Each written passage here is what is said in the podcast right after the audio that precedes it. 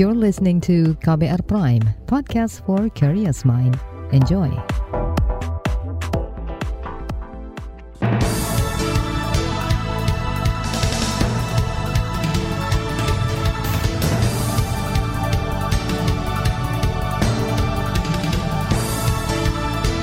Selamat pagi saudara, senang sekali kami bisa menjumpai Anda kembali melalui program Buletin Pagi edisi Rabu 18 Mei 2022 bersama saya Naomi Liandra. Sejumlah informasi pilihan telah kami siapkan di antaranya Jokowi longgarkan penggunaan masker di luar ruangan. Kejagung tetapkan satu tersangka dugaan korupsi ekspor CPO. Pemkap Rembang perketat pasar hewan usai temuan PKM. Inilah Buletin Pagi selengkapnya. Terbaru di Buletin Pagi. Presiden Joko Widodo memutuskan melonggarkan kebijakan pemakaian masker meski pandemi COVID-19 belum berakhir. Jokowi beralasan keputusan ini mempertimbangkan perkembangan pandemi yang diklaim telah terkendali. Dengan memperhatikan kondisi saat ini, di mana penanganan pandemi COVID-19 di Indonesia yang semakin terkendali, maka perlu saya menyampaikan beberapa hal. Yang pertama, pemerintah memutuskan untuk melonggarkan kebijakan pemakaian masker. Jokowi menambahkan penggunaan masker masih diwajibkan digunakan dalam ruangan tertutup dan transportasi publik. Pemerintah juga melonggarkan kebijakan protokol kesehatan COVID-19 syarat perjalanan dalam dan luar negeri dengan membebaskan kewajiban tes PCR maupun antigen. Berbagai pelonggaran ini berlaku mulai hari ini. Kementerian Kesehatan memastikan pelonggaran aturan penggunaan masker yang disampaikan Presiden Joko Widodo menjadi bagian dari masa transisi dari pandemi ke endemi COVID-19.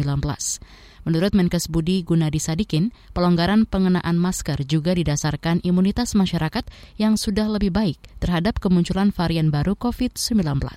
Itu merupakan salah satu bagian dari program transisi yang pemerintah siapkan secara bertahap dari pandemi ke kondisi endemi. Saya pernah sampaikan ke teman-teman bahwa salah satu hal yang paling penting untuk bisa melakukan transisi dari pandemi ke endemi, selain data-data saintifiknya adalah pemahaman masyarakat bahwa tanggung jawab kesehatan itu ada di diri masing-masing. Itu tadi Menteri Kesehatan Budi Gunadi Sadikin. Sementara itu, parlemen menilai pemerintah berusaha bijak saat melonggarkan aturan penggunaan masker. Anggota Komisi yang membidangi kesehatan DPR, Rahmat Handoyo, meminta masyarakat berhati-hati dengan tetap memakai masker di luar ruangan yang dipadati masyarakat.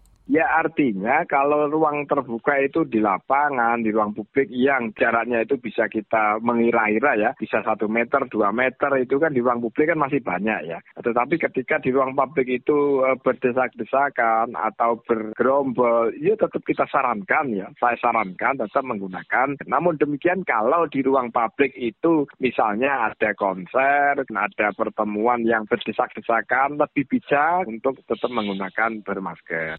Anggota Komisi yang membidangi kesehatan DPR RI Rahmat Handoyo juga meminta masyarakat rentan seperti lanjut usia dan pemilik komorbid disiplin menggunakan masker.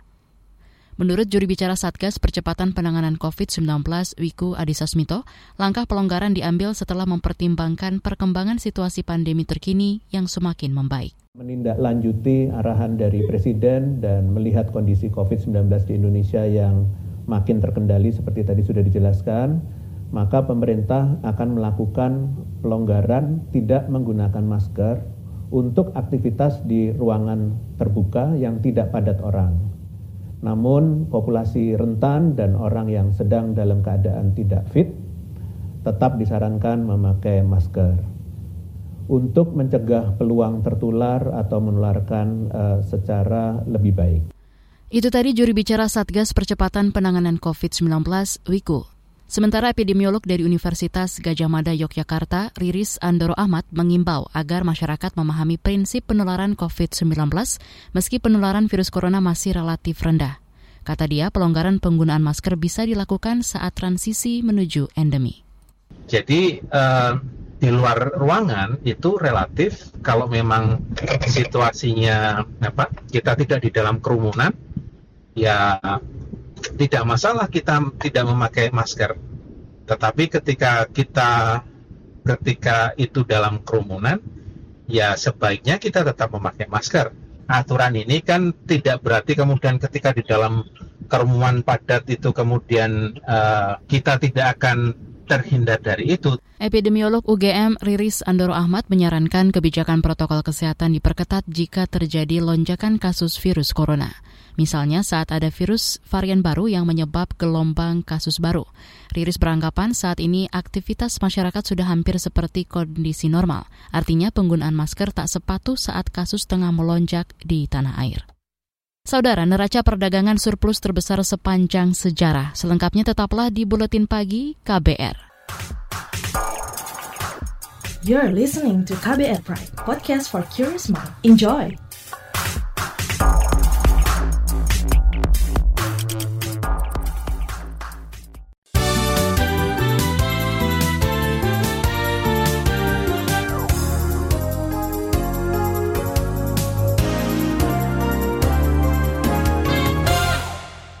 Anda sedang mendengarkan Buletin Pagi KBR. Kejaksaan Agung menetapkan satu orang tersangka berinisial LCW terkait dugaan tindak pidana korupsi pemberian fasilitas ekspor minyak sawit mentah atau CPO dan turunannya selama Januari hingga Maret. Jaksa Agung ST Burhanuddin menjelaskan LCW atau Line Chainway merupakan tersangka dari swasta yang diperbantukan di Kementerian Perdagangan. LCW sebelumnya merupakan saksi di kasus ini. Tersangka di dalam perkara ini diduga bersama-sama dengan YWW selaku Dirjen Perdagangan Luar Negeri telah mengkondisikan produsen CPO untuk mendapatkan izin persetujuan ekspor CPO dan turunannya secara melawan hukum. Padahal seharusnya sesuai dengan tentuan wajib memenuhi DMO 20 persen. Jaksa Agung ST Burhanuddin mengatakan tersangka LCW akan ditahan selama 20 hari ke depan untuk pendalaman kasus. LCW disangkakan melanggar Undang-Undang Tipikor dan KUHP. Kementerian Perhubungan memprediksi adanya peningkatan pergerakan pemudik ke arah Sumatera di tahun-tahun mendatang. Peningkatan terjadi saat tol Trans Sumatera sudah mencapai Aceh. Menurut Dirjen Perhubungan Darat Kemenhub Budi Setiadi, jumlah kendaraan dari Jabodetabek yang mengarah ke Merak, Banten meningkat 17 persen dibandingkan ke arah Jawa Tengah. Pergerakan paling banyak Jabodetabek kalau dulu adalah yang ke arah Jawa Tengah dengan Jawa Barat, tapi ternyata sekarang yang ke arah Merak atau nyebrang sampai dengan Sumatera. Kenapa demikian? Karena jalan tol ini sekarang kan sudah terhubungkan dari mulai Lampung, kemudian sampai Palembang, Palembang sampai dengan ke Betung. Dengan demikian kalau kemarin terjadi ada satu lonjakan yang cukup tinggi di Pelabuhan Merak, ini data ini kami sampaikan. Jadi ternyata memang peningkatannya cukup tinggi di sekitar yang ke arah Sumatera. Dirjen Perhubungan Darat Kemenhub Budi Setiadi menambahkan, pemantauan posko angkutan mudik lebaran penumpang angkutan penyeberangan tertinggi dibandingkan moda lain. Kata dia, penumpang angkutan penyeberangan mencapai 3,3 juta di Merak, Bakauheni, Gilimanuk, Ketapang, dan Karyangau, Balikpapan. LSM Perluda mendorong pemerintah segera mengesahkan peraturan Komisi Pemilihan Umum tentang jadwal, tahapan, dan program pemilu 2024. Direktur Eksekutif Perludam Hoirunisa Nur Agustiati beralasan persiapan pemilu 2024 harus dimatangkan sebelum dimulainya tahapan pemilu 14 Juni mendatang.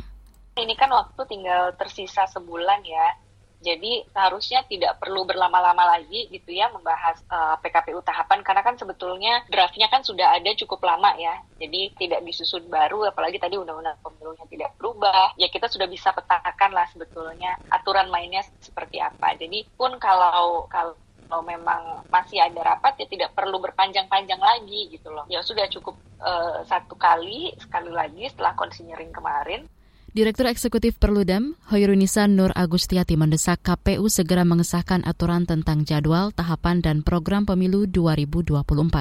Tujuannya agar penyelenggara pemilu di daerah segera menyiapkan hal teknis serta sosialisasinya sebelum tahapan pemilu dimulai.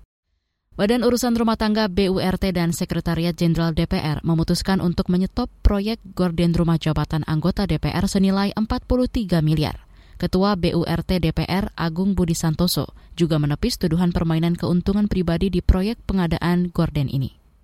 Ya bang, tidak ada itu semua bang. Ya, kita menjalankan, kita disumpah tanggal 1 Oktober, kita takut juga begitu, ya kan? Iya, nggak ada. Saya katakan sekali lagi, BUMT tidak pernah main-main seperti itu. Ya, nah, kalau mungkin ada tuduhan-tuduhan ya, tolong sampaikan. BUMT tidak seperti itu. Kalau saya seperti itu, mungkin saya tidak tinggal di Depok, saya tinggal di Pondok Indah, bang. Ketua BURT DPR Agung Budi Santoso menjelaskan perusahaan pemenang telah memenuhi persyaratan mulai administrasi hingga kualifikasi teknis. Namun dibanding kedua saingannya, perusahaan memang mematok harga paling tinggi dan hal itu yang dicurigai masyarakat. Kata dia, sebagai lembaga setingkat presiden, pengadaan gorden dengan nilai 43 miliar rupiah untuk rumah dinas DPR itu masih dipandang wajar. Pemerintah menyatakan siap melayani jemaah haji termasuk skema keberangkatan dan kepulangan. Menteri Agama Yakut Holil Komas mengatakan persiapan skema protokol kesehatan juga sudah disesuaikan dengan syarat yang diwajibkan pemerintah Arab Saudi. Misalnya minimal telah disuntik vaksin COVID-19 lengkap dua dosis. Kemudian pembatasan usia. Pemerintah Saudi juga memberikan batasan usia e, di bawah 65 tahun dan ini kami pemerintah sudah tegas akan menjalankan ini karena kalau tidak, kalau lebih dari 65 tahun sistem mereka akan menolak. Jadi pembatasan 65 tahun ini syarat yang ditentukan oleh pemerintah kerajaan Saudi. Nah, terkait dengan eh, pembiayaan tentu nanti Pak Anggito Abimanyu yang akan menjelaskan. Menteri Agama Yakut Holil Komas juga menepis isu penggunaan biaya penyelenggaraan ibadah haji atau BPIH untuk keperluan lain. Ia juga memastikan BPIH tidak digunakan Badan Pengelola Keuangan Haji untuk program strategis pemerintah, seperti pembangunan ibu kota negara Nusantara. Tahun ini, BPIH ditetapkan sebesar 39,9 juta rupiah per calon jemaah. Kita ke berita ekonomi. Badan Pusat Statistik BPS mencatat neraca perdagangan Indonesia per April 2022 mengalami surplus sebesar 7,56 miliar dolar Amerika atau sekitar 109 triliun rupiah. Kepala BPS Margo Yuwono menyebut surplus bulan ini merupakan yang ke-24 kali terjadi secara beruntun. Komoditas non migas penyumbang surplus terbesar itu berasal dari lemak dan minyak hewan atau nabati, yaitu HS15, kemudian diikuti bahan bakar mineral HS27. Ya. Sedangkan negara penyumbang surplus terbesarnya itu ya berasal dari Amerika Serikat, India, dan Filipina. Kepala BPS Margo Yuwono menambahkan, secara kumulatif pada Januari hingga April 2022, surplus neraca perdagangan RI mencapai 16,89 miliar US dollar atau setara 234 triliun rupiah. Tren surplus ini, kata dia, merupakan yang terbaik sejak lima tahun lalu. Kita ke berita mancanegara. Rusia mengusir dua staf kedutaan besar Finlandia di Moskow sebagai balasan atas langkah Helsinki yang juga mengusir diplomat negeri beruang merah.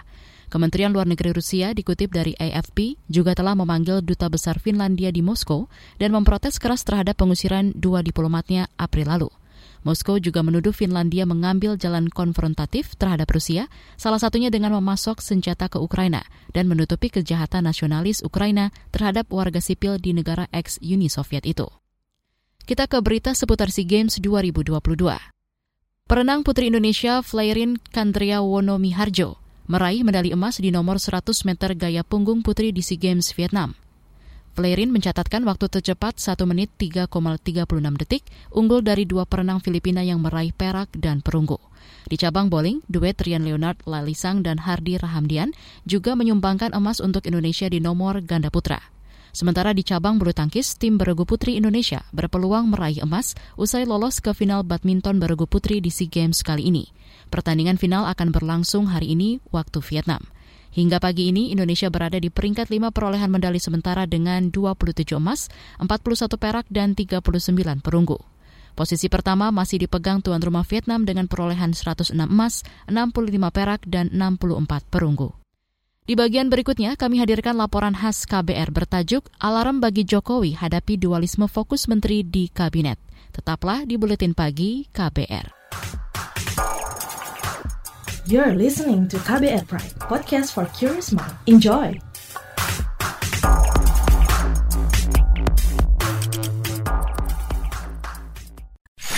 Commercial break. Commercial break.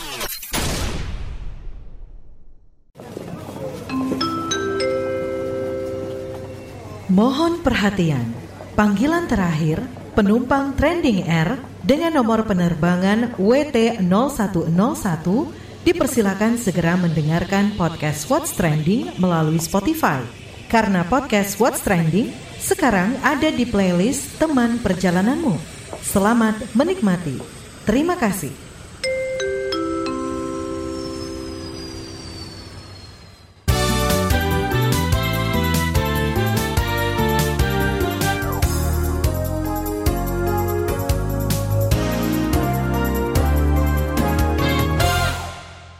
Anda masih bersama kami di Buletin Pagi KBR.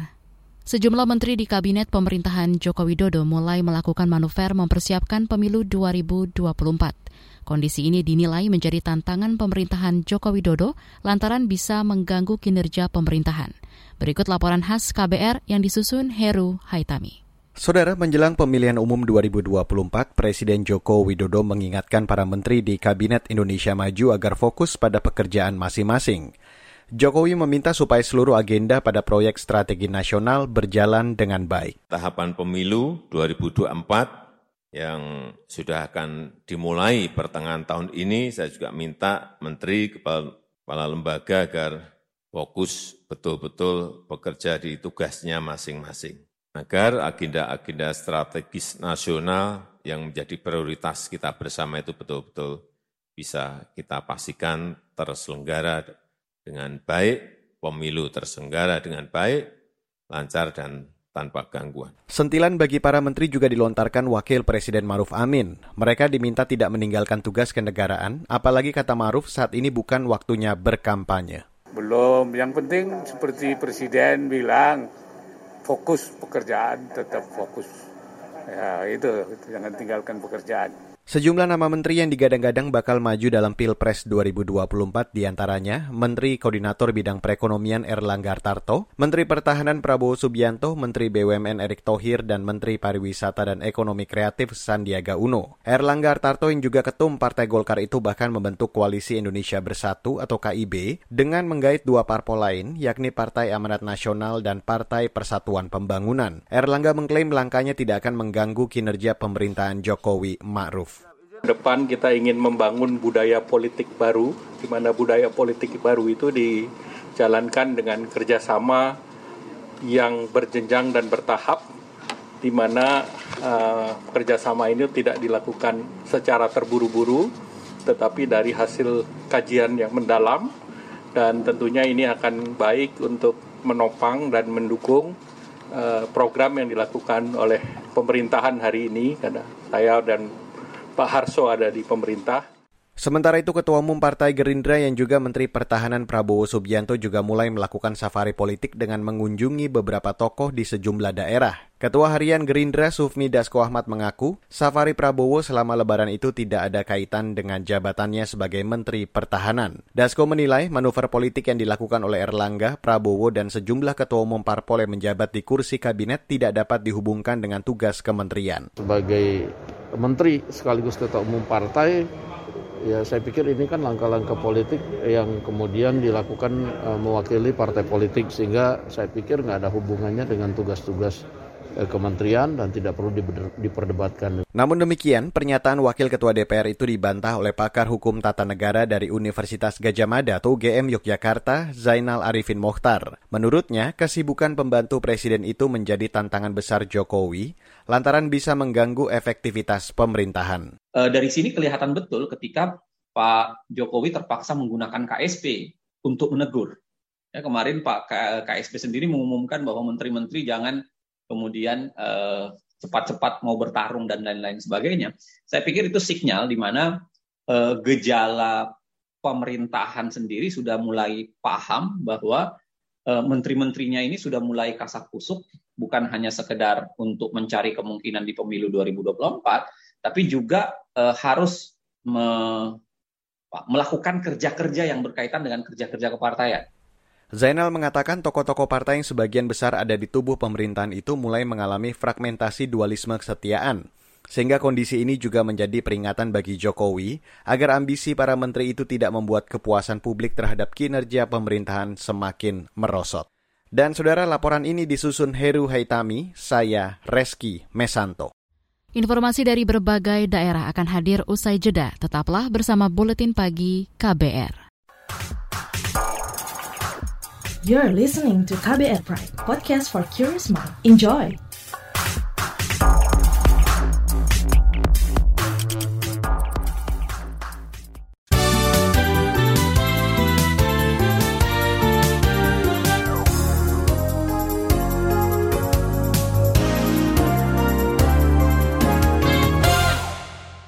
Inilah bagian akhir buletin KBR. Penyakit mulut dan kuku pada hewan ternak di Kabupaten Rembang, Jawa Tengah terus menyebar. Sejumlah pasar hewan di kabupaten itu pun dilokalisir. Laporan selengkapnya bersama reporter radio jaringan Musyafa dari Radio R2B Rembang. Jumlah ternak sapi yang positif terpapar penyakit mulut dan kuku atau PMK di Kabupaten Rembang mencapai 14 ekor. Bupati Rembang Abdul Hafid menyampaikan masalah tersebut ketika menggelar inspeksi mendadak ke pasar hewan Pamotan hari Selasa.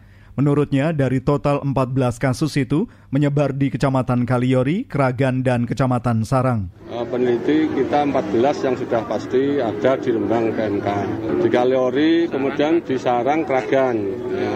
Kemudian kita sama Pak Kapolres, Pak Dandim, bersama dinas, ini memastikan bahwa sumber yang paling utama untuk bisa dideteksi adalah di pasar.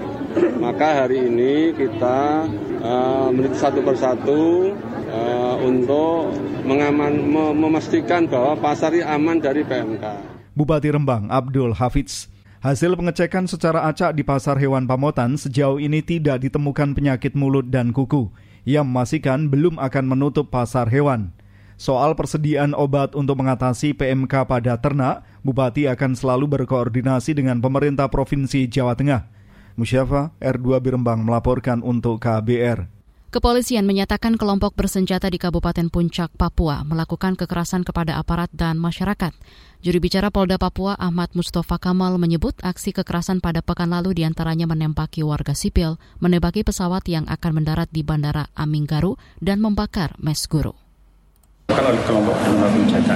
Tentu kita tidak asing lagi bahwa KKB selalu melakukan kekerasan demi kekerasan baik terhadap masyarakat umum, TNI Polri maupun terhadap fasilitas fasilitas yang digunakan oleh masyarakat. Kita cukup sesalkan karena itu sebagian fasilitas yang disiapkan untuk mendukung proses belajar mengajar yang ada di Kabupaten Puncak. Juru bicara Polda Papua Ahmad Mustafa Kamal menduga pelaku kekerasan itu berasal dari kelompok bersenjata pimpinan Lekagak Telengan. Kata dia, kelompok itu selama ini beroperasi di Kabupaten Puncak dan sering melakukan kekerasan di sana. Ratusan imigran etnis Rohingya Myanmar dipindahkan dari pengungsian di Lok Sumawe dan Bireun Aceh ke Pekanbaru Riau. Proses pemindahan dilakukan kemarin dan hari ini.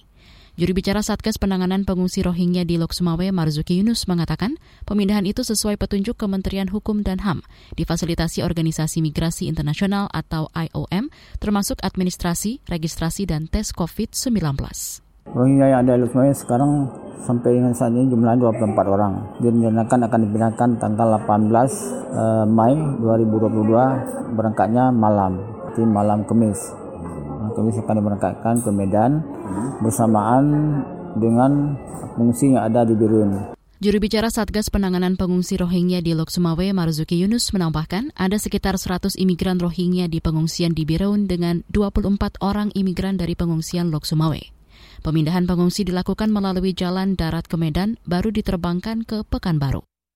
Informasi tadi menutup jumpa kita di Buletin Pagi hari ini. Pantau juga informasi terbaru melalui kabar baru, situs kbr.id, Twitter kami di akun @beritaKBR, serta podcast di alamat kbrprime.id. Akhirnya saya, Naomi Liandra bersama tim yang bertugas undur diri. Salam.